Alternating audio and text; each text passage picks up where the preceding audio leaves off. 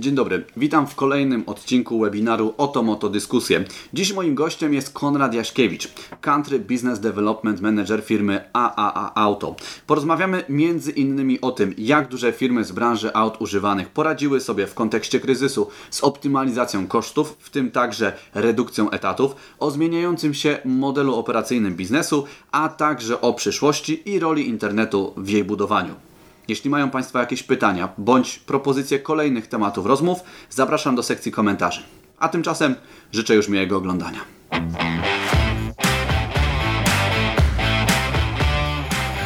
Dzień dobry, panie Konradzie.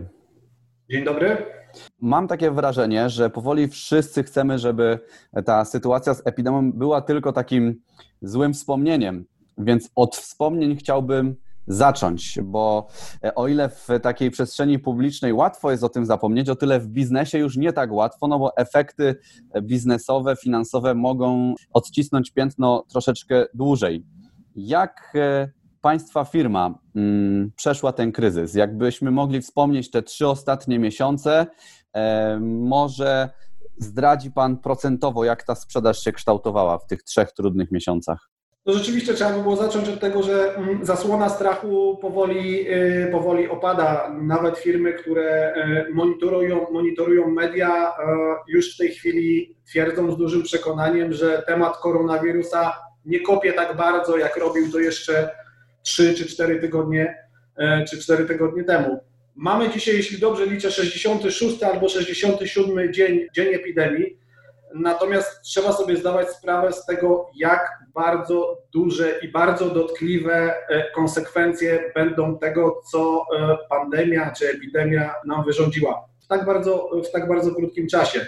My byliśmy na od dobrego półtora roku nie, na, niezahamowanej, na niezahamowanej ścieżce e, wzrostu. Te wzrosty były bardzo równe, ale spektakularne. Notowaliśmy nawet 100%, jeśli mówimy o takiej perspektywie rok do roku. No i nagle stało się to, co na, na co nikt nie mógł być przygotowany, również i my. E, sprzedaż rzeczywiście zanurkowała, zanurkowała um, bardzo. Mówimy tutaj o spadkach, chociaż nie dotknęło nas, nas to w tak dużym stopniu jak, e, jak, całego, jak całego rynku. Mamy największy spadek sprzedaży, jaki mieliśmy, to jest około 65%. Mówi się o tym, że luty to były pierwsze mm, objawy, ale marzec i kwiecień, często takie głosy z branży słyszę, że wtedy dosłownie sprzedaż zamarła. Czy to faktycznie tak? Ja myślę, że branża bardzo długo, się, bardzo długo się broniła. Rzeczywiście pierwsze informacje na temat y, wybuchu czy samego wirusa docierały gdzieś nawet już y, w ostatnim kwartale 2019 roku. Czy to w jakimś stopniu nas, czy pominęliśmy tą informację, czy może trochę e, nie dopuszczaliśmy do siebie, e, nie dopuszczaliśmy do siebie myśli, że może nas to, że może nas to dotknąć. No cóż, myślę, że nikt nie był przygotowany na taki scenariusz, który został napisany po prostu. Dziś przeczytałem e, na Bloombergu artykuł i tam był taki, takie mocne hasło, ono też było chyba tytułem czy podtytułem, że tłumaczeniu takim wolnym jakby uściski, tradycyjne uściski dłoni is dead, czyli umarły i czas na przenoszenie się do internetu. Różne opinie są na ten temat, no ale wy te działania internetowe robiliście i być może jest tak, że dzięki temu wychodzicie obronną ręką. Jak pan to ocenia? Przysłowiowe uściski dłoni to jest, e, czy to, że nie powrócimy do nich pewnie bardzo długo, a może nawet wcale, to jest zapowiedź pewnych zmian, które i tak by nadeszły. Ta transformacja, jeśli jesteśmy akurat przy tym, e, przy takim temacie tej transformacji cyfrowej, ona w tej chwili e, na pewno bardzo, na pewno bardzo przyspieszy. Natomiast my te działania prowadziliśmy. Mm, część naszego biznesu była skierowana czy ukierunkowana na takie działania, czy na obecność, zaznaczanie naszej obecności również w tej przestrzeni, tej przestrzeni internetowej. E, I w tych obszarach e, niewiele się zmieniło. Znaczy, mam na myśli to, że wybuch samej epidemii niewiele, e, niewiele zmienił. My realizujemy ten plan, który został gdzieś przyjęty i się go trzymamy. Po prostu. Takim delikatnym tematem w branży, a szczególnie na tym medium, na którym też emitujemy nasze webinary, czyli LinkedInie, dosyć dużo osób poszukujących pracy. Rozmawiam z ludźmi z branży, zarówno reprezentujących mniejsze, jak i większe firmy. Teraz akurat jesteśmy w przypadku tego drugiego, czyli mówimy o dużym graczu, powiedzmy sobie szczerze, jakim jest AA Auto. Jak wasza firma poradziła sobie z tym? Czy, czy redukcje zatrudnienia były tutaj konieczne, czy, nie, czy, czy jednak nie? Rzeczywiście, tak jak każda inna firma, i my musieliśmy zastosować pewien scenariusz kryzysowy. I podkreślę jeszcze raz, na który nie byliśmy przygotowani, bo, bo, bo nikt nie mógł być. E, natomiast on został w pewnym stopniu przemodelowany, mm, wdrożony. Te procesy jeszcze, te procesy jeszcze trwają. Oczywiście nie obyło się bez radykalnych, bez radykalnych ruchów w postaci cięcia e, zatrudnienia. Natomiast to było dosłownie kilka procent. Czyli taki lifting można powiedzieć. lifting. Dokładnie, y, y, dokładnie, dokładnie tak. Oczywiście trzeba dodać, że ograniczamy w pewnym stopniu ilość samochodów na stoku, co też jest elementem tego kryzysowego, tego scenariusza na, e, na kryzys, więc to też wynika, więc to też wynika trochę z tego, ale nie robimy nic, co nie jest niezbędne po to, żeby chronić cały biznes. A jakieś inne przykłady optymalizacji kosztów w tym e, trudniejszym okresie? Wie pan, ja, my wychodzimy z założenia, że koszty optymalizuje się w momencie, gdy się chce, gdy się chce firma rozwijać albo utrzymywać, utrzymywać rozwój. Natomiast y, w tej chwili y, ograniczamy te koszty, nawet ich nie optymalizujemy po prostu. A może właśnie, bo właśnie moja druga część pytania była taka, a może wręcz przeciwnie, może to jest czas na inwestycje, bo e, w niektórych firmach mówi się e, o tym, e, tak nieoficjalnie, że to jest dobry czas na kupowanie, na kupowanie różnych rzeczy, czy to mniejszych biznesów, e, czy inwestowanie w jakieś e, środki, bo być może ta cena przez tę trudną sytuację e, spadła. Jeżeli ktoś śledzi w ogóle nasz rozwój, zarówno w Polsce, jak i na tych rynkach, na których jesteśmy obecni, to nie jest trudno zaobserwować, że my właściwie rozwijamy się tylko i wyłącznie w sposób organiczny. Jesteśmy trochę taką organizacją, jakbym miał to porównać z inną dużą, z inną dużą firmą, która prowadzi swój biznes, to, to takim dobrym przykładem jest Inditex, który kontroluje wszystkie elementy e, procesu, zarówno operacyjnego, jak i tego procesu, jak i tego procesu rozwoju. My nie przejmujemy gotowych struktur, e, rozwijamy się w ramach własnych, w ramach własnych zasobów. Czy to jest dobry czas na inwestycje? Pewnie tak. Pewnie tak. Natomiast trzeba je mm, my tego, nie, my tego rozwoju nie zatrzymaliśmy i trzeba sobie zdać z tego, e, z tego sprawę. My go tylko wstrzymaliśmy na pewien, na pewien czas. Na jak długo? Na to pytanie niestety nikt w tej chwili nie jest w stanie, nie jest w stanie odpowiedzieć to dużo zależy od tego, jak będzie się faktycznie mm, klarować cały proces odmrażania, jak będzie, mm, czy, czy będą te nawroty zapowiadane szumnie na, na początku e, tej epidemii, choć e, do mnie dochodzą jakieś pierwsze pozytywne głosy, że maj to już miesiąc, w którym ta sprzedaż rusza. Czy u Was też tak to wygląda? Rzeczywiście obserwujemy mm, pewien wzrost zainteresowania e, w kontekście samych osób odwiedzających nasze, nasze oddziały, w kontekście tego, co dostarczają nam partnerzy biznesowi, chociażby portal, chociażby portal e, Otomoto. E, natomiast nie przekłada się to w tak dużym stopniu na, na taką fizyczną sprzedaż. Myślę, że jeszcze przez jakiś czas ta niepewność gospodarcza przede wszystkim będzie powodowała taki trochę efekt, nie wiem, lizania wystawy, nieładnie mówiąc. Ruch jest, ale nie przekłada się on w tak dużym stopniu, jak to było do tej pory na, e, na transakcje. Co w takim razie można zrobić, żeby tego klienta przekonać? Bo ja myślę, dużo mówimy o rozwiązaniach e-commerce'owych i tutaj z moimi rozmówcami często, e, tak samo jak Pan wspomniał na początku, że trzeba było o tym myśleć wcześniej, ale nie jest za późno i trzeba nadal działać w kierunku jakby sprzedaży zdalnej, internetowej, pokazywać swoją, jakby pokazywać siebie, swoją markę w internecie. A ja podrzucam taką tezę, że bardzo wysoką wartość, szczególnie w dziedzinie aut używanych, ma zaufanie że to jest taka waluta, która ma niezwykle wysoką cenę obecnie. Tak, my zawsze stawialiśmy na wiarygodność i na, na transparentność procesów. Takich procesów, w których uczestniczy, uczestniczy taki zwykły klient, który najpierw do nas dzwoni, a później przychodzi do nas na oddział. Niestety, albo może stety, mm, w biznesie samochodów używanych jeszcze długo będziemy, będziemy mieli do czynienia z takim tradycyjnym, stacjonarnym biznesem. Tutaj nic nie zastąpi przede wszystkim obcowania z samym produktem, który chce się kupić, ale też nic nie zastąpi interakcji. Interakcji z drugim człowiekiem, który prowadzi cały proces, e, cały proces sprzedaży, który go uwiarygadnia. Więc e, na to nadal stawiamy.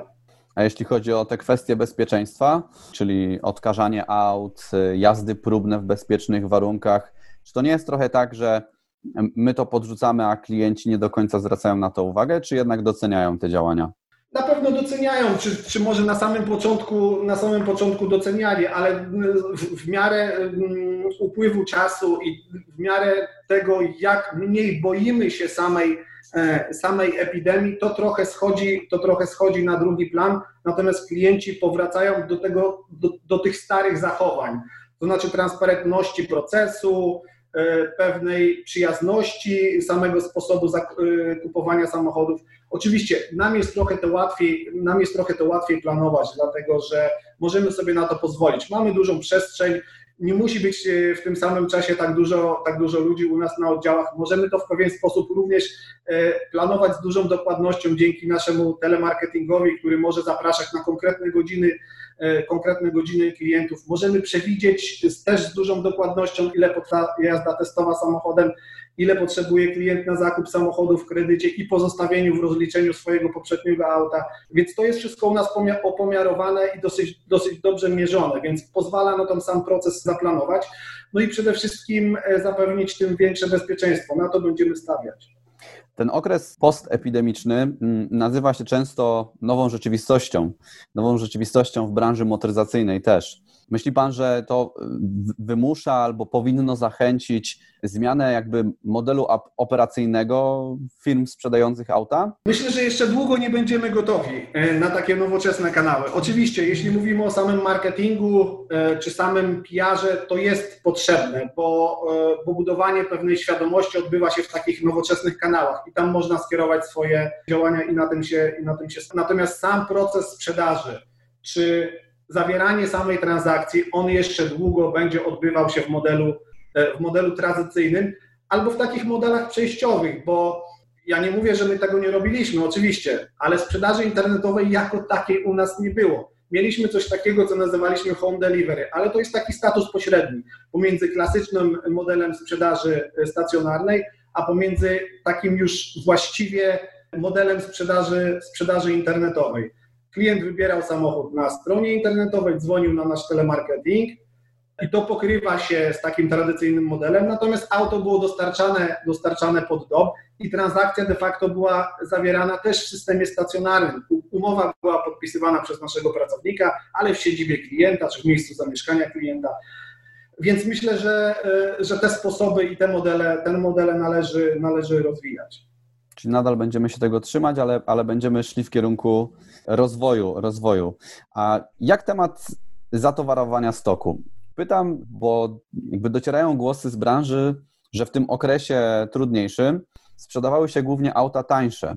To mogło wynikać z wielu, z wielu powodów. Być może dlatego, że sytuacja gospodarcza osób, które planowały zakup samochodu, zmusiła do kupienia auta tańszego niż planowali, bądź też pojawili się nowi klienci, którzy szukali bezpiecznego środka transportu, czyli trans środka transportu indywidualnego, a nie zbiorowego. Macie Państwo już jakieś wnioski albo przemyślenia, czy ten stok powinno się towarować, przygotowywać trochę inaczej? Że w kontekście tego, co Pan powiedział, to oczywiście my nawet próbowaliśmy robić, czy przeprowadzaliśmy takie ankiety wśród naszych, wśród naszych e, klientów ta grupa samochodów komunikowanych w cenie sprzedaży do 40 tysięcy rzeczywiście była, e, była nadal jest, e, jest taką grupą, która pozostaje, która waży w tej chwili w tym koszyku sprzedaży najwięcej. Więc czym to było spowodowane? No tak, szukanie bezpiecznego środka transportu, e, transportu na pewno.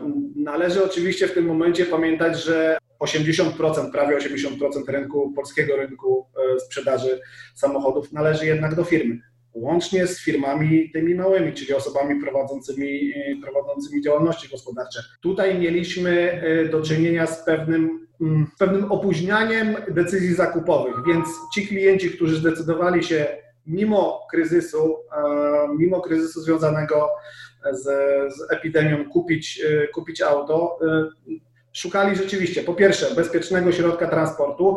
Nawet jeśli musieli ten samochód wymieniać, to najczęściej decydowali się na trochę tańsze auto. Trochę tańsze auto mm, niż miałoby to być bez, e, bez tej całej sytuacji związanej z koronawirusem. Trochę mnie Pan zaintrygował tą ankietą, więc podpytam, czy jeszcze jakieś ciekawe insighty albo wnioski z tej, z tej Waszej wewnętrznej ankiety, czymś, czym byśmy mogli się podzielić z widzami? Nie, to właściwie na tym chcieliśmy, y, na tym chcieliśmy się skupić, bo sami, sami, byliśmy tego, sami byliśmy tego ciekawi. Y, no i to przede wszystkim daje pewien obraz, czy może kształtować pewien obraz sytuacji na, y, na przyszłość. Bo proszę pamiętać, i to moim skromnym zdaniem, nie żyjemy jeszcze w okresie postepidemicznym. On nadal trwa chociażby w tym kontekście gospodarczym. Jeżeli rzeczywiście strachu jest trochę mniej, natomiast strachu przed samym wirusem jako chorobą, natomiast y, to powoduje bardzo dużą niepewność w kontekście gospodarczym przede wszystkim. Wypada zapytać, no bo Państwa firma ma korzenie w Czechach, a wygląda na to, że Czechy zawsze są jakby o krok do przodu, jeśli chodzi o ten temat epidemii, wprowadzania nowych obostrzeń.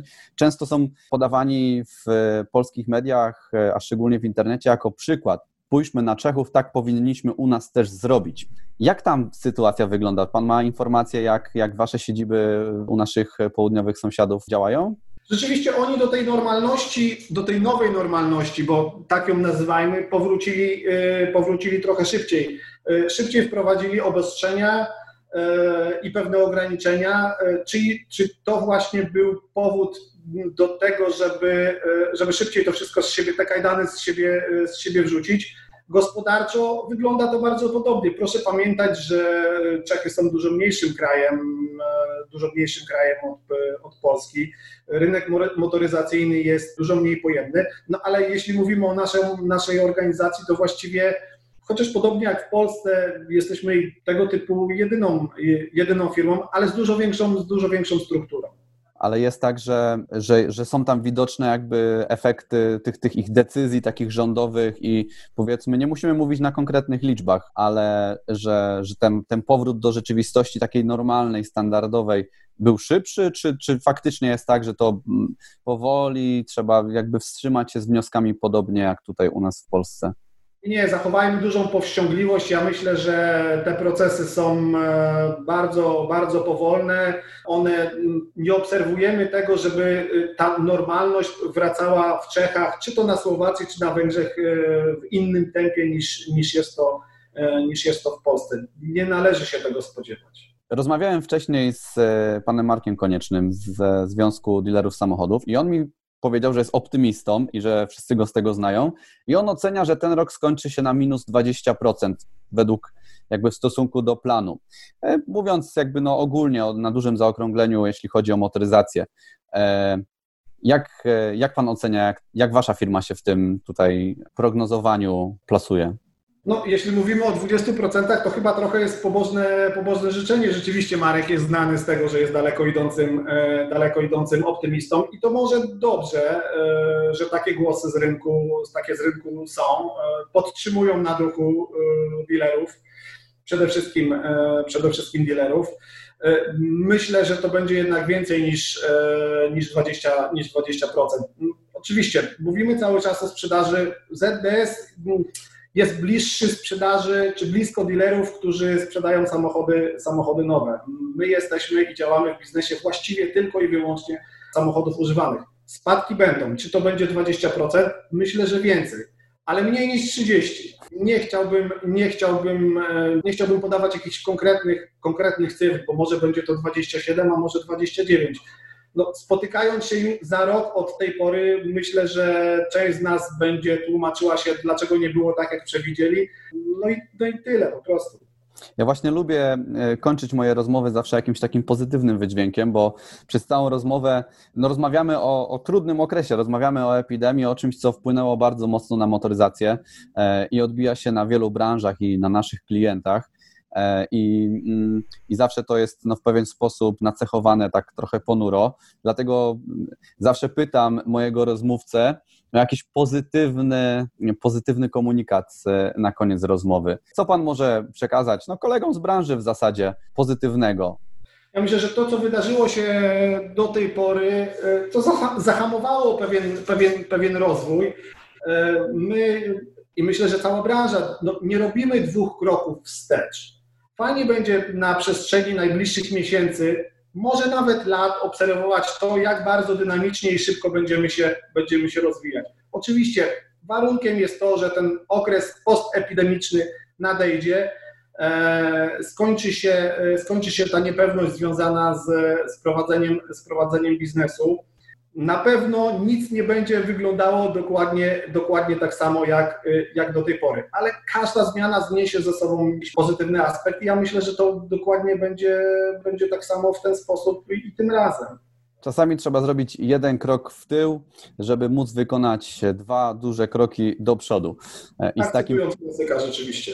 I z takim pozytywnym e, przesłaniem od e, pana Konrada myślę, że będziemy zmierzać ku końcu tej rozmowy. Mam nadzieję, że ta branża faktycznie utrzyma się w pozytywnych ryzach i że będziemy o tych klientów w stanie zadbać, a, a będzie się rozwijać w tych kierunkach, w których no, niejedni już wcześniej ruszyli, podobnie zresztą jak wy. No i tego Wam życzę, tej ekspansji, którą planujecie, ale trzeba trzeba w pewien sposób ją dostosować do nowej rzeczywistości. Jesteśmy po prostu w takim kolejnym mikrocyklu rozgrzewkowym w tej chwili, jeśli mógłbym taką analogię sportową trochę zastosować. No, sportowcy też już wracają do swoich rozgrzewek i do e, treningów, także myślę, że jak najbardziej na miejscu. Dziękuję jeszcze raz za rozmowę i do usłyszenia. Bardzo dziękuję. Do zobaczenia, do usłyszenia. Państwu dziękuję serdecznie za uwagę. Zachęcam do obserwowania profilu otomoto.pl na LinkedInie. Do zobaczenia podczas kolejnego webinaru.